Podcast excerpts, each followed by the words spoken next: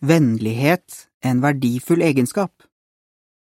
Det som gjorde størst inntrykk på meg, var den vennligheten brødrene og søstrene viste, sier Lisa. Hun snakker om den gangen hun ble interessert i sannheten. Anne følte det på samme måte. Hun innrømmer jeg var mer opptatt av den vennligheten Jehovas vitner viste, enn av det de trodde på. Begge disse søstrene er nå glad i å lese og studere Bibelen, men den vennligheten de ble vist, hadde mye å si for at de ble interessert i sannheten. Hvordan kan vi vise vennlighet slik at vi sprer glede rundt oss? La oss se på to måter, ved det vi sier og ved det vi gjør. Så skal vi se på hvem vi bør være vennlige og gode mot. La vennlighetens lov styre det du sier. Den gode kone som blir beskrevet i Ordspråkene kapittel 31, lar vennlighetens lov styre tungen hennes. Ordspråkene 31, 26. Hun lar denne loven påvirke det hun sier og måten hun sier det på. Ektemenn og fedre må også la denne loven styre det de sier. De fleste foreldre vet at det ikke er bra å snakke hardt til barna. Det har en negativ virkning på dem og motiverer dem ikke til å være lydige. Når foreldrene snakker på en vennlig måte, er det lettere for barna å høre på dem.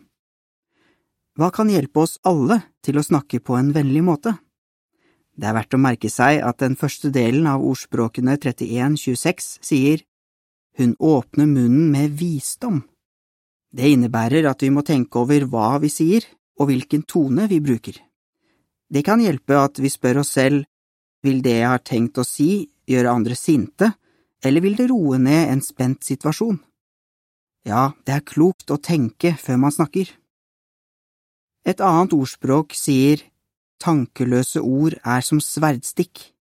Ordspråkene 12, 18 Når vi tenker over hvordan det vi sier, og måten vi sier det på, kan påvirke andre, blir det lettere for oss å kontrollere det som kommer ut av munnen vår.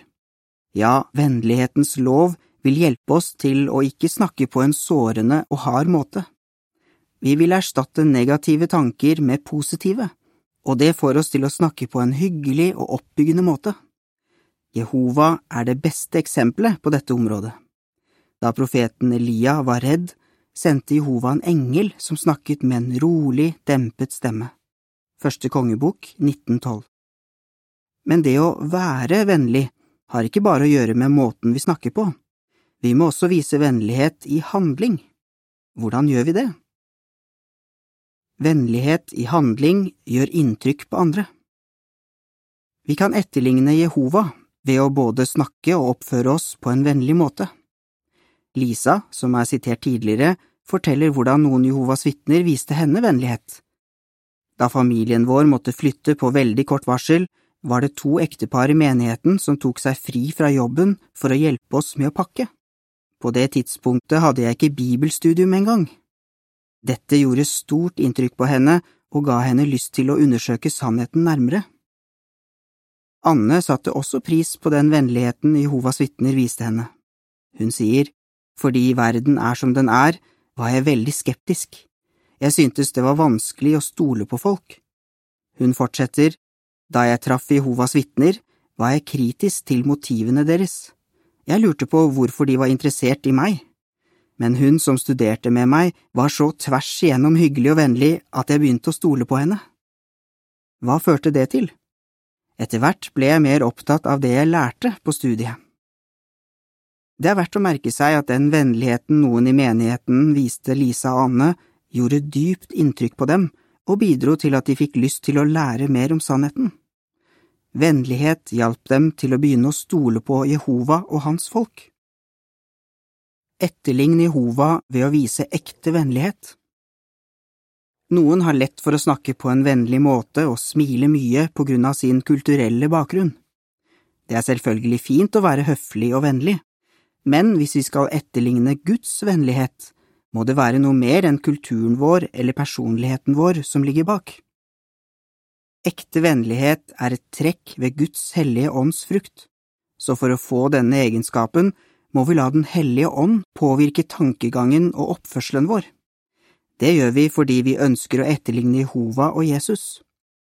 Som kristne er vi også oppriktig interessert i andre, Det som ligger bak vennligheten vår, er altså at vi elsker Jehova, og at vi elsker andre mennesker. Denne typen vennlighet kommer fra hjertet og gjør oss verdifulle i Jehovas øyne. Hvem skal vi være vennlige mot? Det er ikke så vanskelig å vise vennlighet og takknemlighet mot dem som har vært vennlige mot oss, eller mot en vi kjenner, men hva om vi føler at det er noen som ikke fortjener at vi er vennlige mot dem? Tenk over Jehovas eksempel. Han viser vennlighet mot alle. Bibelen sier at han viser ufortjent godhet.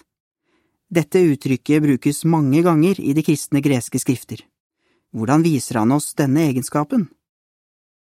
Jehova har vist vennlighet og godhet mot alle mennesker som noensinne har levd, ved å gi dem alt de trenger for å leve. Han har vist mennesker godhet allerede før de har blitt kjent med ham.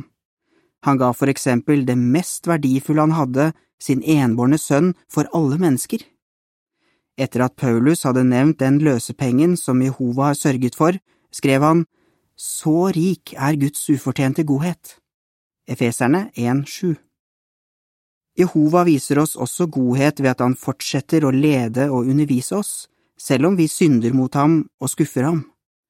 Hans undervisning og ord er forfriskende som lettregn.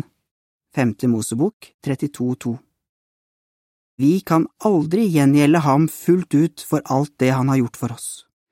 Og hvis Jehova ikke viste oss vennlighet og ufortjent godhet, ville vi ikke hatt noe håp for framtiden. Jehovas godhet og vennlighet rører virkelig ved følelsene våre. Hans eksempel motiverer oss til å være vennlige hver dag og til å gjøre godt mot alle. Når vi er vennlige, er vi som varmen fra et bål på en kald dag. Vi vil være til oppmuntring for familien vår og for trosfeller, kolleger, skolekamerater, naboer og andre. Vennlighet har mye å si i familien og i menigheten. Tenk over om det kan være noen i menigheten din som har behov for hjelp. Kanskje du kan hjelpe ham eller henne med noe i huset eller hagen eller med å handle av og til.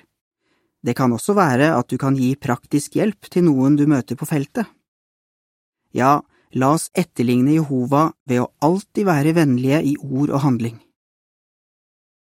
Til denne artikkelen er det en bildeserie. På det første bildet ser vi at en ung bror kommer med en pose med matvarer til en eldre bror.